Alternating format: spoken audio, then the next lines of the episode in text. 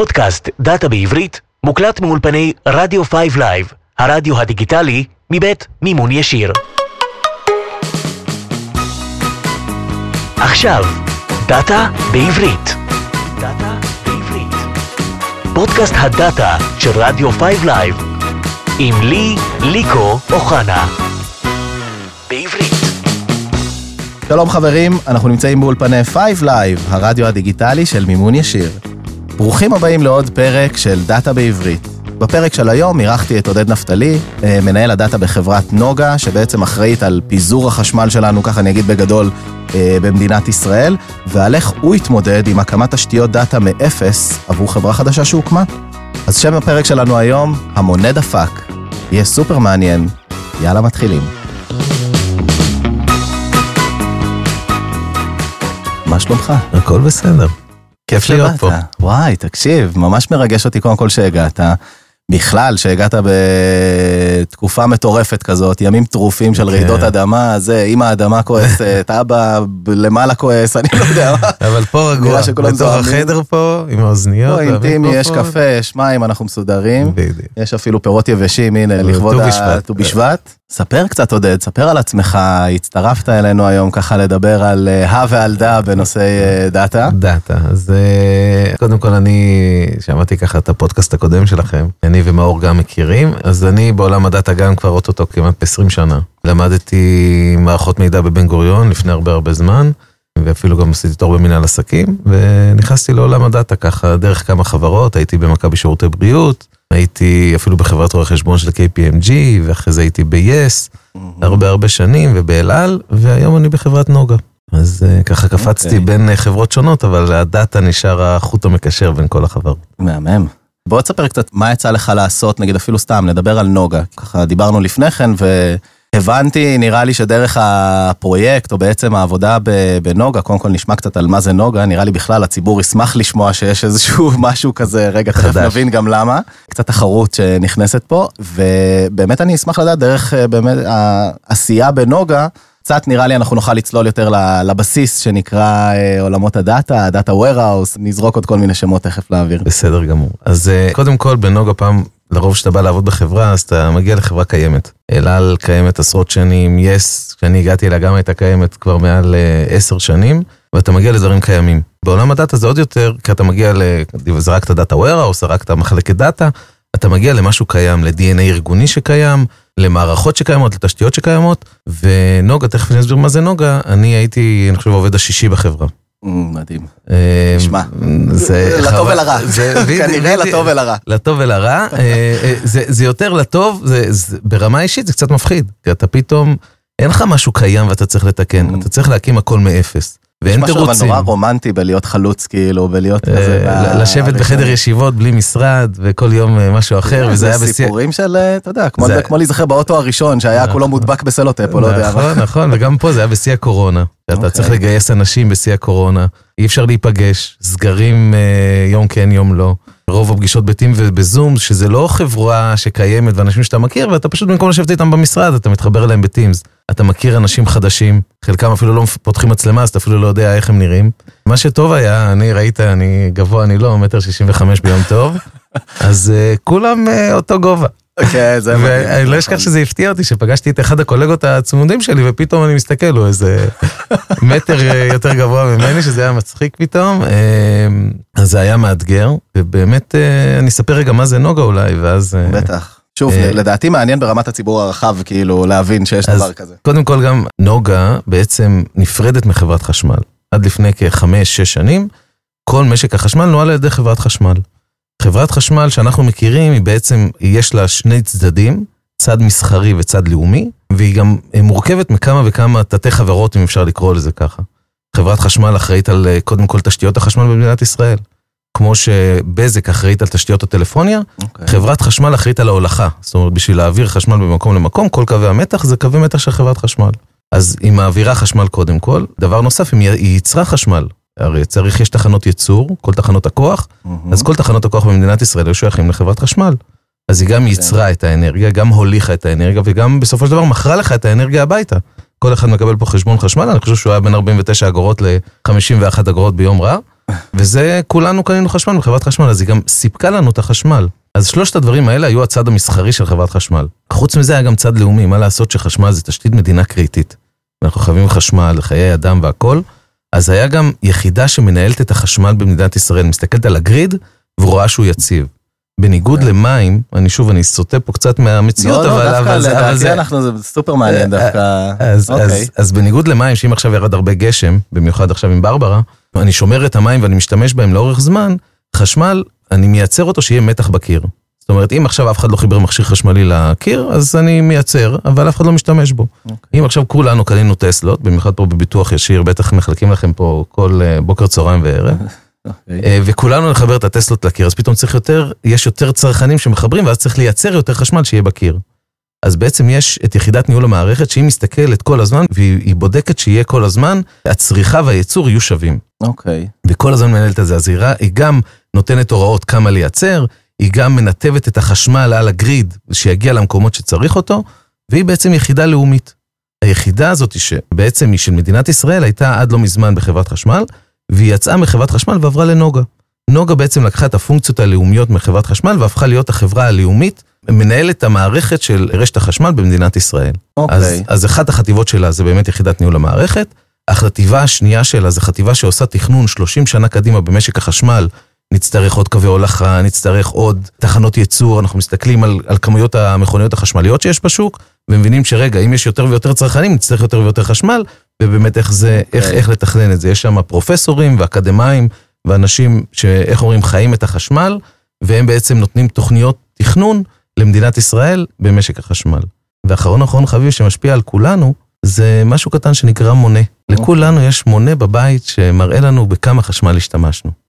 המונה שיש היום הוא מונה טיפש. מסתכלים עליו בתחילת החודש, כמו קילומטרז של אוטו, כתוב עליו אלף, מסתכלים עליו אחרי חודשיים, כתוב עליו אלפיים, ואז יודעים שהשתמשת באלף קוטש, וזה מה שמחייבים אותך. אי אפשר לחייב אותך בשעות שונות, כי אנחנו לא יודעים כמה השתמשת בשעות שונות. אז אלה המונים הישנים. היום יש מונים חדשים. המונים האלה מדווחים כל רבע שעה בכמה חשמל השתמשת. ואז בעצם יש לנו הרבה הרבה יותר מידע, ואנחנו יכולים לתת לך מחירים שונים לשעות שונות ביום. מהמם, אבל כאן אנחנו כבר מדברים על מה? על אה, ספקים שונים גם. אז, אז, אז, איזושהי- אז ההתחלה הייתה קודם כל לתת לך מונה חכם. אוקיי. ברגע שנתנו לך מונה חכם, אז זה אפשר את הרפורמה. ואז בעצם באו חברות כמו פסגז, כמו הוט, כמו רמי לוי, כמו סלקום, כמו דורד, עוד כל מיני חברות, חלקם מכירים, חלקם לא.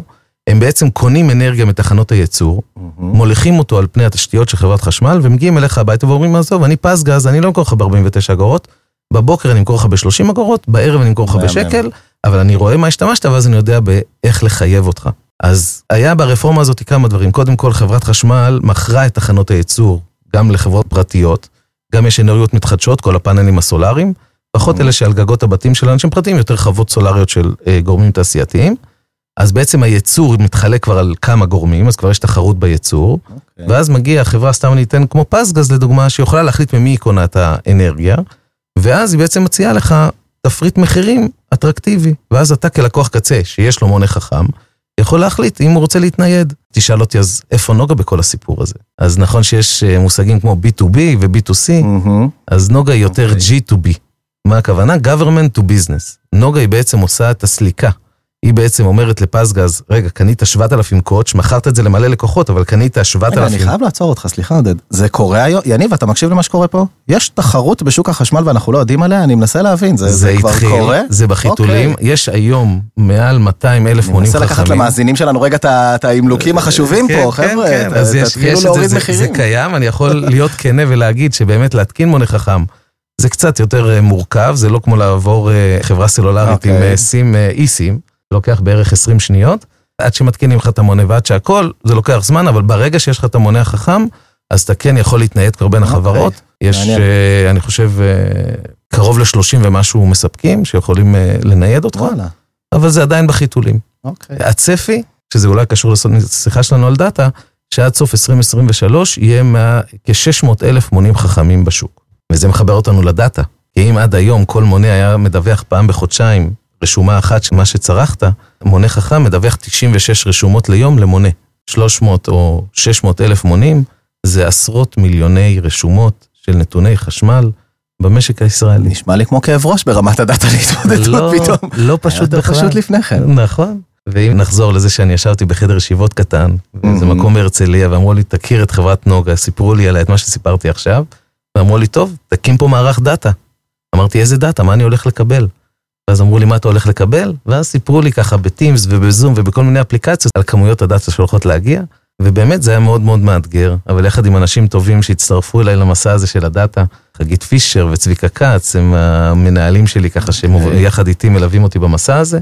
הקמנו מערך דאטה שלם שאמור בעצם לנהל את כל המידע במשק החשמל ולהנגיש אותו, אם זה למספקים, בסופו של דבר אולי גם ללקוחות באיזשהו אתר, להראות במשק הישראלי כמה חשמל נצרך בכל רגע נתון, באיזה אזורים במדינה הוא נצרך, להראות אותו על גבי מפות, לראות שאנשים חזרו עם הטסלות הביתה באיזה רחוב בתל אביב, חיברו אותו ואז פתאום הצריכה של החשמל עולה.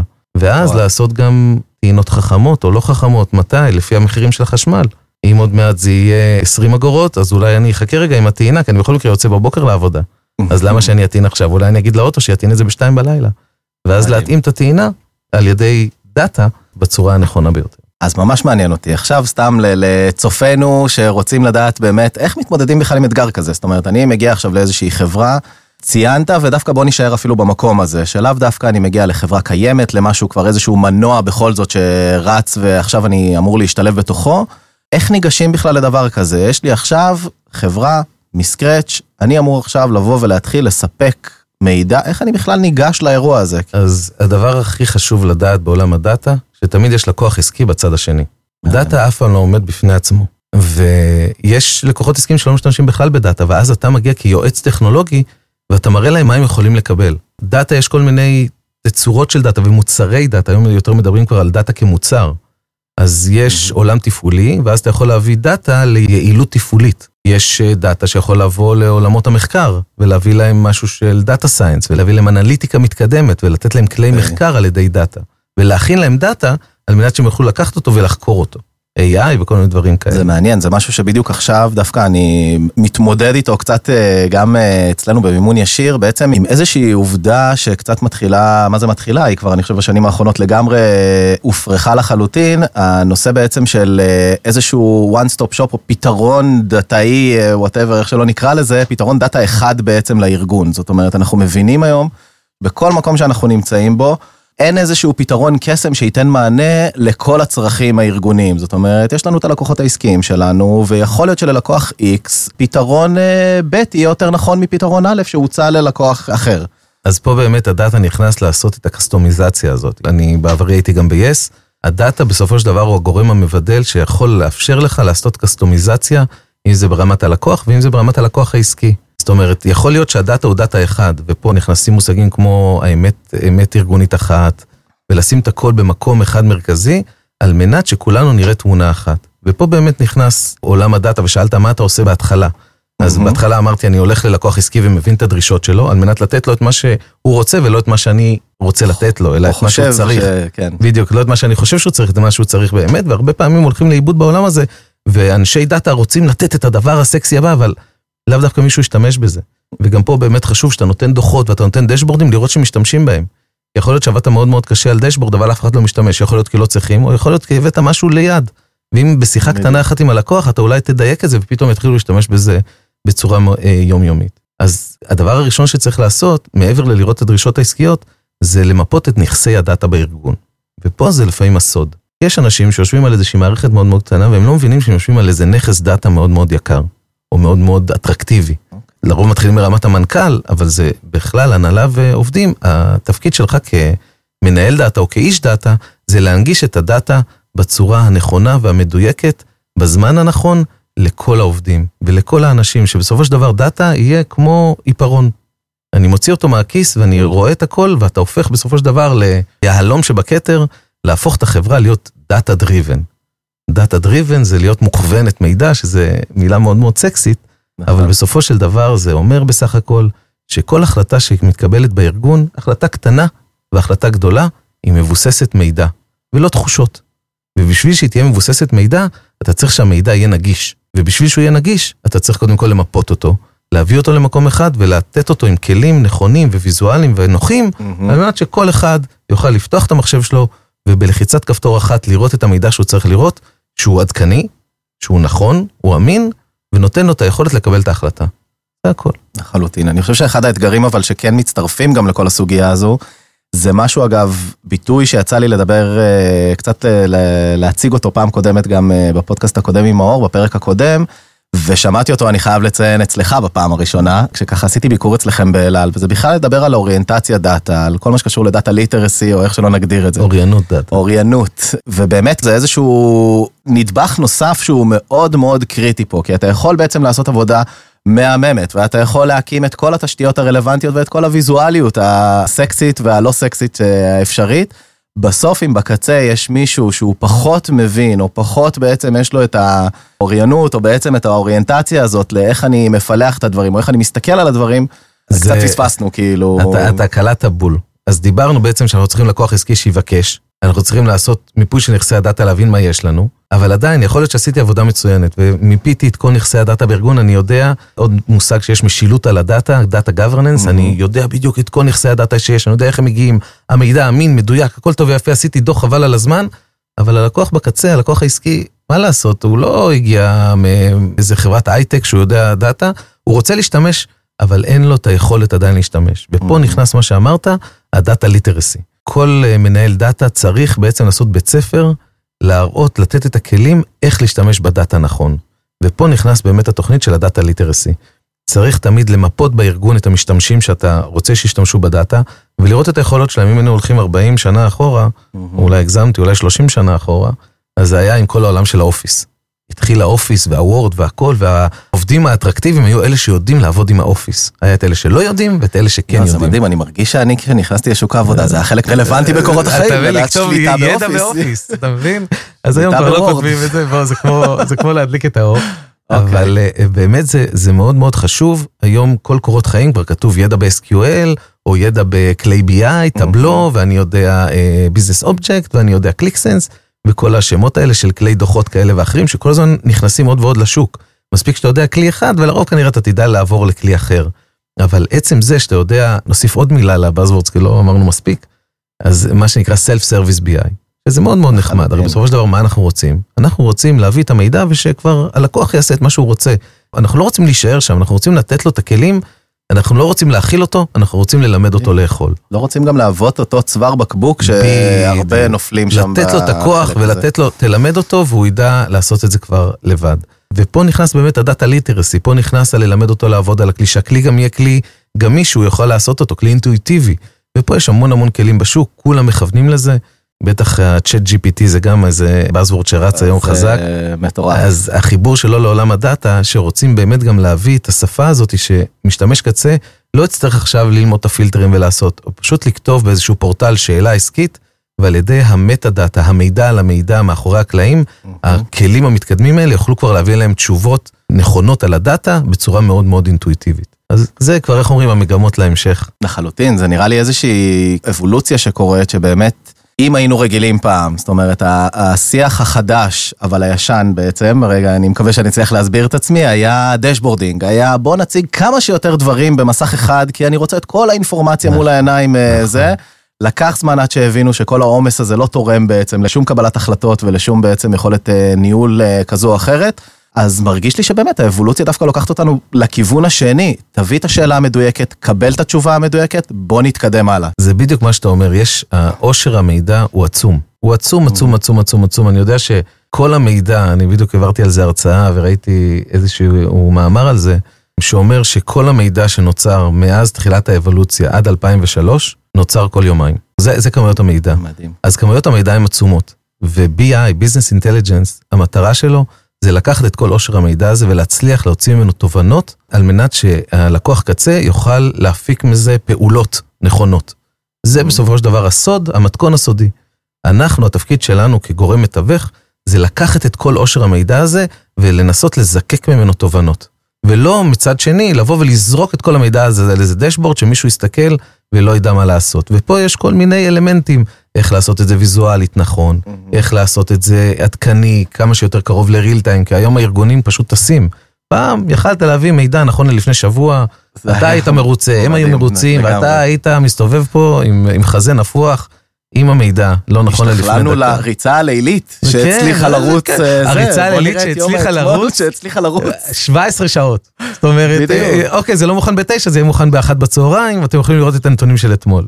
עכשיו, אם ב-10 בבוקר אתה לא רואה את הנתונים של 9.50, זה... אז כנראה משהו בדיוק. פה לא עובד נכון, לחלוטין. ואתה צריך באמת לדייק את זה, ולעשות, ו- ובאמת, הסוד לכל זה, זה כמה שהשאלה העסקית מדויקת יותר, והדרישה העסקית והלקוח שלך יודע בדיוק מה הוא רוצה, זה מקל עליך להביא לו בדיוק את מה, ש- מה שהוא צריך. ופה זה, אה, חוזרים לנקודה הזאת של שותפות. ככל שהלקוח העסקי מבין שאתה שותף שלו, ומבין שאתה אתה המכפיל כוח שלו, ויחד, וברגע שהוא מכניס אותך לעולם העסקי שלו, ומסביר לך בדיוק איך מתנהל העולם העסקי שלו, אם זה ביטוח, אם זה תעופה, אם זה טלוויזיה, או אם זה במשק החשמל, אז, אה, אז זה יהיה מדויק יותר ויעזור לשניכם להגיע למטרה שהיא בעצם אה, לעזור לארגון להתקדם, אם זה כלפי הלקוחות, ואם זה ברווחיות, ואם זה בכל פרמטר אחר.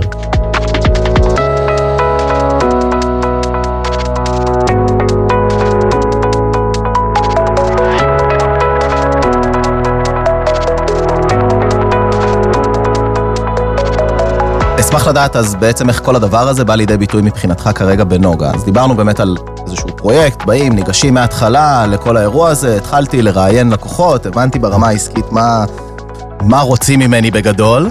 אז, אה, אז דיברנו פה באמת על הידע של הלקוחות העסקיים, ובעצם אתה, אתה בא לשווק להם משהו שאו שהם מכירים וזה הולך לך בקלות, או שהם לא מכירים, אז אתה צריך לשכנע אותם מה אתה הולך להביא להם. אני תמיד נותן את הדוגמה הזאת, שאחרי שהבנתי את כמות המידע שאני הולך לקבל, זה כמו צונאמי. אתה מכיר את זה שצונאמי, לפני שהוא שוטף את החוף, הים הולך אחורה. הוא הולך כל כך אחורה, שאתה מגיע, אתה רואה פתאום חוף של איזה 200 מטר. ואז אתה הולך לחוף של 200 מטר, אנשים אומרים, טוב, יש פה חוף ממש ממש גדול, הם לא מבינים שעוד דקה יגיע גל של 100 מטר גובה. וככה אני הייתי, אני הייתי בחוף. ואני מבין איזה כמויות מידע אני הולך לקבל, ואני צריך לשכנע אותם שאני צריך להביא database עצום, ואולי להיכנס לענן, ולהקים דאטה לייקים, ולהקים את כל הכלים האלה כלפי המידע, אבל אומרים לי, אבל תקשיב, אתה הגעת פה לפני עשר דקות, אין פה כלום. כאילו, על איזה מידע אתה מדבר? אתה בכלל לא יודע איזה נכסי דאטה יש לנו בכלל. ובאמת השלב הראשון בפרויקט הזה היה ללכת ולמפות את המערכות התפעוליות שנוגה מיועדת או מתעדת לעבוד עליהן. וזה היה השלב הראשון בפרויקט. תבין על מה אתה מדבר. אז הלכתי ולמדתי את כל נכסי הדאטה, ואפיינתי אותם, וראיתי מה כל נכס דאטה, זה בסופו של דבר מערכות. עכשיו, יכול להיות שלמערכת יש שני נכסים מאחורה, ויכול להיות שנכס אחד מרכז ארבע מערכות שונות. בעצם ההבנה גם אמורה להיות כפולה, אם אני מבינה. ההבנה אמורה להיות א', טכנית, מה המערכת בכלל מייצרת נכון. ברמת הזה, אבל גם באמת מה הביטוי העסקי של כל דבר נכון. כזה. כי- זה, לכל מערכת באמת יש את שני הצדדים האלה, יש את הצד התפעולי שלה, ויש את הצד העסקי, איזה ישות עסקית היא מייצגת. מהמם. ואז אתה כדאטה warehouse מפסיק לדבר, אתה מעביר את זה מהמושגים התפעוליים למושגים עסקיים. סתם לדוגמה, לקוח. לקוח הוא לא רק ב-ERP, לקוח הוא לא רק ב-CRM. זאת אומרת, כששואלים אותך על לקוח, נכון. לא שואלים אותך על הלקוח ב-CRM, שואלים אותך על לקוח.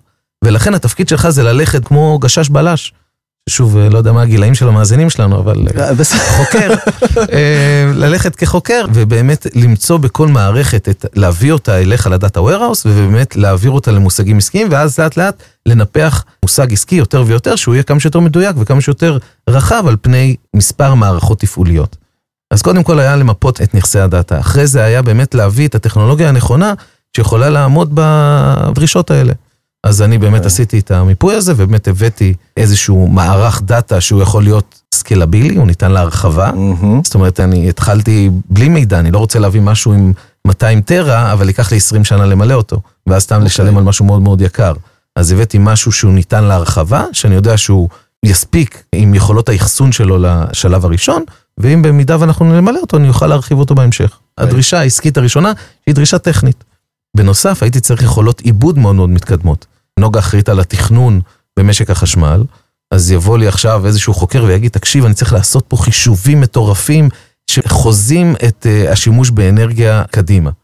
זה חישוב שאם אני עכשיו אריץ אותו על מחשב שלא יכול לעמוד בכוח העיבוד הזה, זה ייקח לי ארבעה ימים לחשב את זה. אוקיי. אבל צריך לחשב את זה בלחיצת כפתור. אז לכן, כשהבאתי את הפתרון, הייתי צריך גם שיהיה לו יכולות אחסון וגם יכולות עיבוד. עכשיו, אנחנו לא מוכרים פה כלים טכנולוגיים, אבל בשביל שהשיחה תהיה אין מלאה. בעיה. לא יודע מי יקשיב זה לנו. סבבה פה, בדיוק, הכל אה, טוב. אז הבאתי לנוגה כלי של אורקל שנקרא אקסה דאטה, שיש לו יכולות גם. אחסון וגם עיבוד מאוד מאוד טובות. בנוסף לזה גם נוגה היא תשתית מדינה קריטית, ענן הוא מילה גסה, אז כמובן שהכל היה חייב להיות בתוך החברה. אוקיי. אז, אה, אז גם זה פה- דיון בפני עצמו שאני חייב לעלות פה בהמשך, אוקיי. על, הענן. על כן או לא? הלחץ ועל האוויר, כן. כן, אז... בעיקר על אה, הפאניקה, אוקיי. נכון, באמת יש פה, מצד אחד יש פה פאניקה של לא להיכנס לענן, מצד שני גם לפעמים קופצים אנשים לענן והם לא מבינים בדיוק את היתרונות זה והחסרונות של הענן. נכון. ובארגונים כמו שלנו אתה לא רוצה לבוא בסוף חודש ולגלות שאתה משלם על הענן פי שבע ממה נכון. ששילמת חודש קודם, כי מישהו לחץ ארבע אנטרים והריץ איזה דוח מאוד מאוד. כבד. אז ענן, דיון בפני עצמו. אה, בדיוק, ענן הוא עדיין בחיתולים, ובחור שפגשתי לא מזמן אמר, למה שאני אהיה ראשון בענן? בוא ניתן לענן לגדול, להגיע לאיזה maturity מסוים, איזושהי בגרות, ואז אני אחליט אם אני נכנס אליו. אז באמת הקמנו איזה מערך דאטה מסוים שיכול לתת פתרון דאטה warehouse לנוגה לפחות להתחלה. דיברתי פה על שתי חטיבות של אה, תפעול ותכנון, אבל היה לי עוד חטיבה אחת שהיא בעצם עושה את כל המסחר בשוק. זה מאוד מאוד דומה לחברות אה, כמו שלכם, שיש להם חטיבת לקוחות.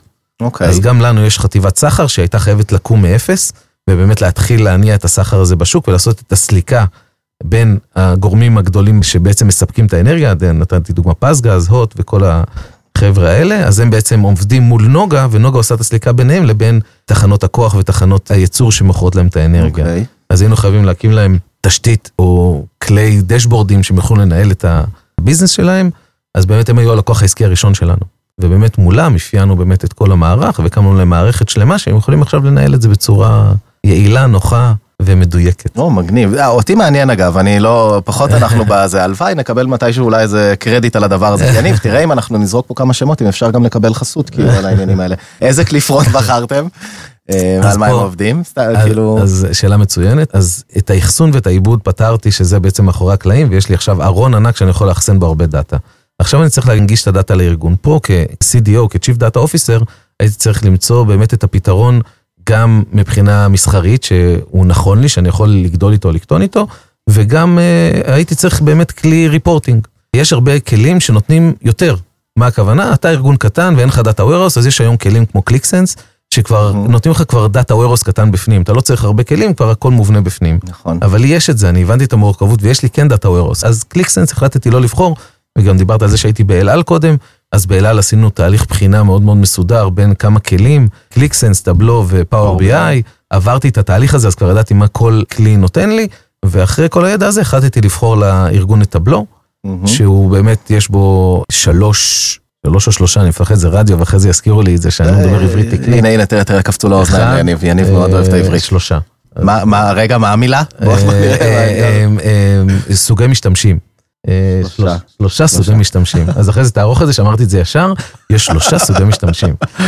אה, יש לי קולגה בעבודה שכל היום בישיבות מתקן אותי, ואני כל הזמן מסתכל עליו במבט בעיניים, ואז הוא עושה לי טעית. היום, רגע, סטייה, אני חייב כי זה חשוב. היום בדיוק שמעתי פודקאסט לא חשוב וזה, עם אסף אשטר, שהוא כאילו הפך להיות האבשלום קורה הזה. אבל הוא ציין ואמר, יש לי סלידה מאוד מאוד גדולה מאנשים שמתקנים. חבר'ה, יושב מולכם בן אדם, זה זלזול, זה לא לעניין לתקן, בסדר? אז- נסתכל פה על יניב גם בצורה זה. מצפצף על האמירה הזאת, אוקיי, כן. אז יש שלושה סוגי סוגים. משתמשים, יש אה, משתמש על, שבעצם זה המשתמש של הדאטה warehouse, של הדאטה, שהוא בעצם מקים את הטבלאות בכלי הזה, ויוצר את סביבת העבודה הנכונה והמדויקת בתוך הכלי. לאחר מכן יש את המשתמשים העסקיים, ששם לרוב אנחנו מכוונים שיהיה איזשהו אה, משתמש על, משתמש מתקדם, שיכול לקחת אוקיי. ולבנות דוחות לבד. אוקיי, אז יש סוג משתמש כזה, ויש את המשתמש האחרון שהוא ה-viewer, שהוא משתמש שאנחנו יכולים לפזר אותו, יש לך אלף עובדים, אתה רוצה אלף viewers, כל אחד שיכול לפתוח את המחשב ולהסתכל על דוח. אז אלה שלושת סוגי המשתמשים שיש בטבלו, זה התאים לי באמת למודל הארגוני שאנחנו מקימים בנוגה, ובאמת לקחתי את הטבלו, ולקחתי את החבילה המינימלית על מנת להקים את זה, ולהתחיל. איך אומרים, לרוץ בארגון ולהתחיל להראות שיש דוחות, ולאט לאט אנחנו גדלים, ככל שיש לנו יותר משתמשים, ככה אנחנו מגדילים את כמות היוזרים שיש לנו בארגון, וזה טוב לנו גם כארגון ממשלתי, שאתה צריך להיות מאוד מאוד מדויק במה שאתה מוציא ואיך אתה מוציא את זה. ואתה מוציא רק את מה שאתה צריך ולא את מה שאתה לא צריך. ואנחנו משווקים את הטבלו חזק חזק בארגון, ויש לנו כבר פורטל ארגוני עם דוחות שאנחנו... מהמם, אז. רגע, אז היום כבר אתה אומר יש משתמשים ארגוניים, זאת אומרת שכבת הזה, מעניין אותי לגעת באזור הזה רגע, שכבת ה-self-service users בעצם, החבר'ה שבאים ולבד אה, מפיקים דוחות, זה על בסיס איזושהי תשתית בטבלו שבעצם יחידת הדאטה אה, אז- מקימה או משהו כזה. אז אה, אוקיי. שוב, לרוב כשאתה מגיע לארגונים שקיימים, אז או שכבר יש כלי דוחות ואז אתה עושה מיגרציה מהכלי הזה לכלי אחר, כי הכלי הזה מיושן ואתה רוצה לעבור אליו, סתם לדוגמה באלעל עברנו מ Business Objects, עברנו גם ל Tableau. במקומות אחרים עברנו מ Business Objects ל Qlik Sense, כל ארגון עושה את המעבר שלו או נשאר בכלי ורק מחדש גרסה שלו. כן. אז פה, כמו שאמרתי, לא היה כלי דוחות. ועדיין קיבלנו מחברת חשמל חטיבות עסקיות שכבר היה להם כלים שהם עשו, ועבדו הרבה באקסלים. אז המטרה הראשונה שלנו הייתה לזהות את כל האקסלים הסיזיפיים האלה מהמם. ולמכן אותם. אם זה בתהליך הוצאת הנתונים שמגיעים לאקסל הזה, אם זה האנליזה שעשו עם האקסל הזה, לאפיין את כל התהליך העסקי שמאחורה ולהעביר אותו מקצה לקצה לעולם הדאטה. זה לא רק לקחת את האקסל ולהפוך אותו לטבלו. זה האקסל הזה עכשיו מישהו הלך למערכת תפעולית, עשה ייצוא של נתונים לאקסל, עשה ייצוא של עוד נתונים לאקסל, הסתכל על ארבע גיליונות שונים, הסתכל בעיניים וזיהה כל מיני אנומליות, החליט שהאנומליה היא ככה וככה, שם איזה דוח מסוים והעביר את זה הלאה. אז אנחנו מיפינו הרבה תהליכים עסקיים שעובדים בצורה סיזיפית כמו זאתי, ואנחנו עובדים על באמת למכן אותם לאט ובעדינות לתוך עולם הדאטה ועולם הטבלו. וואי, אני חושב שבעולמות שלנו, אם יש ניצחונות שאני באמת אוהב, זה כשאתה מגלה שחסכת איזה שנת אדם נכון, נכון. בתהליך לפעמים סופר פשוט גם, אבל ככל שיהיה מורכב, בסוף התהליך כאילו קורה, ואנשים פשוט נכון. כאילו... אבל פה באמת נכנס האמון שאתה צריך ליצור עם הלקוח העסקי שלך. מהמם, כי לחלוטין. יש הרבה כאלה שלא יודעים מה אתה רוצה מהם, הם עובדים עם האקסל, הם באים בבוקר, עובדים, עזוב אותי, אני לא מכיר אותך, אני לא רוצה, תן לי להמשיך לעבוד. ואתה צריך קודם כל לרכוש את אמונם גם של האנליסטים וגם של המנהלים. המנהלים רוצים אותך כי אומרים, תקשיב, אני מבקש דוח, לוקח שבועיים עד שמביאים לו אותו, והוא לא תמיד מדויק. כי מה לעשות, העיניים של האדם הם לא כמו שאילתה ב Exadata שבודקת בדיוק מה צריך. מהמם. אז אנחנו לוקחים אלינו המון המון דברים. שוב, אמרתי שאנחנו ארגון ממשלתי, אז יש לנו הרבה דרישות רגולטוריות של דיווחים לרשויות וכאלה. אז פה אנחנו לוקחים את כל הדיווחים לתוך מחלקת הדאטה בשביל להוציא אותם בצורה מסודרת ומאורגנת, ממקור אחד ואמין ושנותן את זה החוצה. אנחנו מחליפים את כל התהליכים האלה של הוולידציות ובאמת עושים את זה בצורה ממוכנת. ואנחנו לוקחים את כל האקסלים האלה וגם הופכים אותם למשהו קצת יותר ברור לעין, שבלחיצת כפתור אתה יכול לקבל את זה ולא לעבוד על זה שבועיים כל חודש. מדהים, בחודשו. מדהים בעיניי. מה הפידבקים שאתם מקבלים עד עכשיו? כרגע אתם באיזושהי נקודה, נשמע לי כבר יחסית מתקדמת, כאילו, עד כמה שאפשר לזה. דיברת על ניצחונות קטנים, אז יש לנו כן אה, ניצחונות קטנים. אנחנו, בעולם שדיברתי על החטיבות, אז באמת יש חטיבות שאנחנו עובדים איתן יותר בצמוד, ושם באמת הניצחונות באמת קטנים, של ככה לתת להם עוד דשבורד שהם יכולים לעבוד איתו ולייעל עוד ועוד. ויש מקומות שאנחנו עדיין עובדים על דריסת הרגל, ובאמת להראות להם מה אנחנו צריכים, כי מה לעשות, עולם התפעול עבד לפנינו ויעבוד אחרינו. לחלוטין. ועולם ה-OT, שנקרא ה-Operational Technologies, שהן מאוד מאוד 24/7 צריכות להיות יציבות וסגורות, הכניסה לשם צריכה להיות מאוד מאוד זהירה. כי אתה רוצה לתת להם ולא להרוס להם. אתה רוצה להיכנס לשם באמת בזהירות, ונוגה קיימת שנתיים, בעולם הטכנולוגיה זה דקה וחצי בערך, מהמם. אז אנחנו עובדים לאט ובעדינות באמת, מדהים אותי להשיג כל עוד פעם מחדש. כאילו באמת העבודה הרכה היא העבודה הקשה שלנו בדרך כלל, זאת אומרת, נכון אה. לגמרי כאילו יש את הצדדים הטכניים ועל זה אפשר לעשות תזות ו- נכון. ובאמת דוקטורטים על אה, על העולמות הטכניים שלנו, אבל בסוף בסוף עם האלמנט התקשורתי, עם הנדבך באמת של שיתוף הפעולה שדיברת עליו, או זה משהו שם, יש איזשהו קצר. על זה יקום ויפול כאילו הפרויקט או הזה, זה- נכון, זה גם- מדהים. גם יש גם שתי גישות פה. קודם כל, אתה מוביל מחלקת דאטה, אז אתה רוצה שה-DNA של המחלקה יהיה שהם יבינו שהם enablerים. לא משנה מה מבקשים ממכם, אתם חושבים איך אפשר לעזור. לא להגיד, אה, רגע זה מסובך. תמיד להגיד כן, ואיך נעשה את זה. חד משמעית. זה קודם כל, וזה ה-DNA שאני מנסה להכניס במחלקה שלי, וזה עובד כרגע בצורה מצוינת. הדבר השני, זה באמת מה שנקרא bottom up או top down.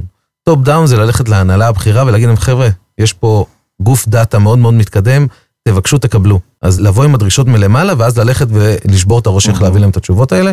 והדבר השני זה bottom up.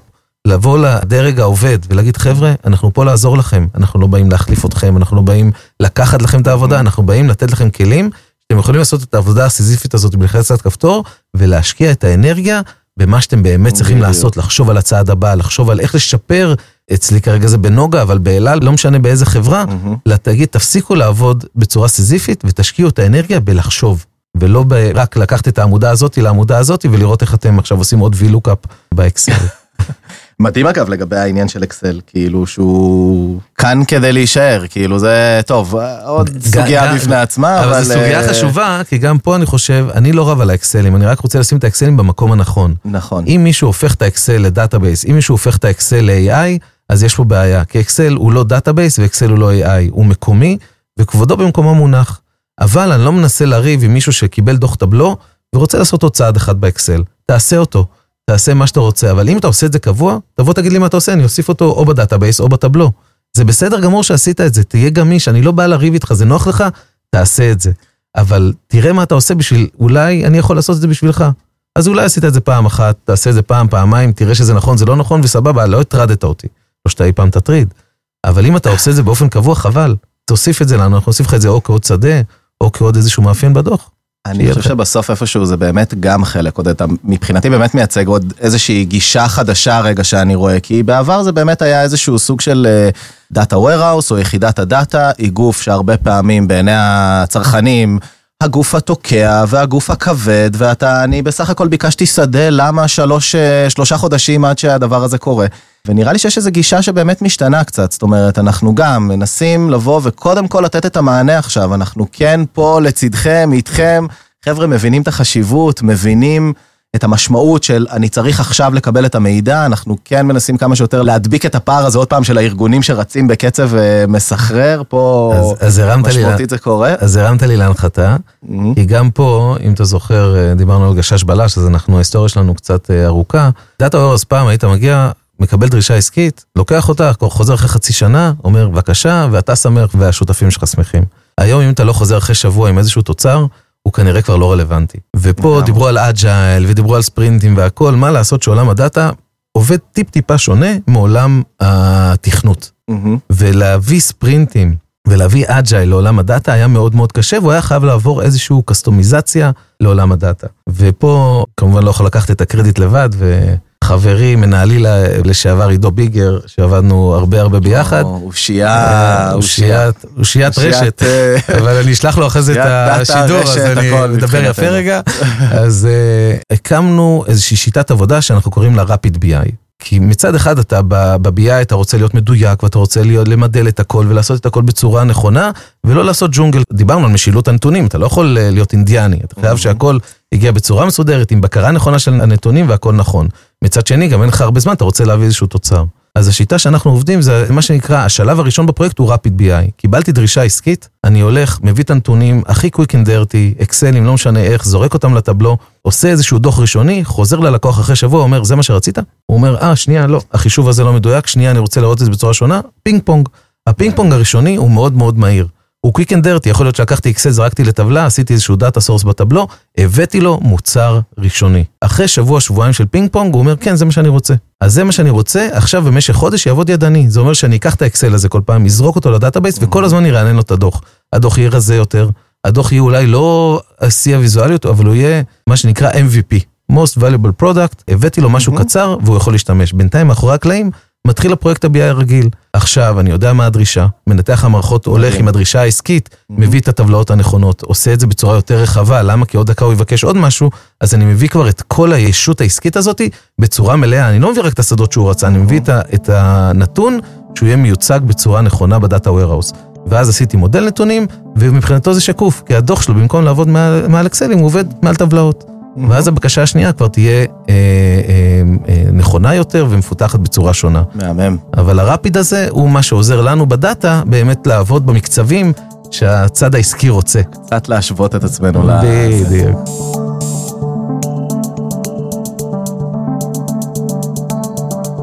קודם כל, אני חייב להגיד שמאוד מאוד נהניתי. דיברנו, אני חושב שסקרנו את הכל, סקרנו גם את הצד העסקי ואיך אנחנו, אנחנו רואים אותו, אני לא יודע איך הצד העסקי רואה אותנו, כי אני לא בצד העסקי, אבל דרך אגב, גם התפקיד הזה של CDO לפעמים הוא בצד העסקי, לפעמים הוא בצד ה-IT, אז אני בצד ה-IT ואני מספר איך אנחנו והגישה שלנו כלפי הלקוח העסקי ומה חשוב לנו לתת לו, וחשוב שהצד העסקי ידע את זה, ואיך, מה קורה בקרביים שלנו, ש... שלא יחשבו שאנחנו מחביאים דברים בכיסים. בדיוק, אני חושב עוד דווקא שזה היה באמת אה, שיעור מאוד אה, מלמד דווקא עבור אה, בטוח לא מעט מה... צופים שלנו, אם נדע מי מאזין לנו, אבל אני בטוח ש... מאות אלף, כל מי ששמע טל ואביעד ואין לו תוכנית, הוא מוזמן אלינו. בדיוק, כל מי ש... בדיוק, שעכשיו פרש מטל ואביעד, אז מוזמן להקשיב להסכת שלנו. לא, אבל אני באמת, מבחינתי גם למדתי המון. יש ככה איזה טיפ לסיום, או משהו שאתה רוצה... אמ, כן, שוב, אנחנו, בשביל להוציא תובנות אתה צריך להבין את הצד העסקי, אז אני חושב ש... אמ, יש איזה משפט שאומר, אה, שאם אתה לא מבוסס על דאטה, אתה סתם עוד איש עם דעה.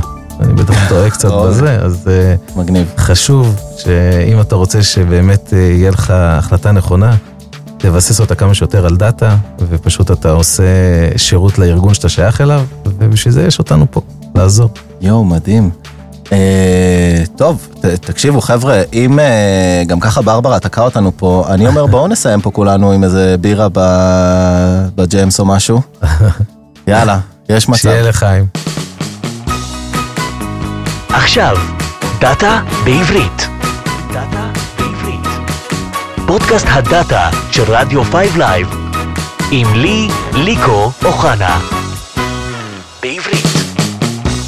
תודה שהאזנתם לפרק שלנו. דאטה בעברית זמינה לכם בכל אפליקציות הפודקאסטים, וכמובן באתר 5 Live. ניפגש שוב בפרקים הבאים, ועד אז, פרגנו לנו בכל מיני כוכבים, לייקים, או מה שלא עושים בשביל להרים אה, הסכתים ב- במדינה פה. יאללה ביי. פודקאסט דאטה בעברית מוקלט מאולפני רדיו 5 Live, הרדיו הדיגיטלי מבית מימון ישיר.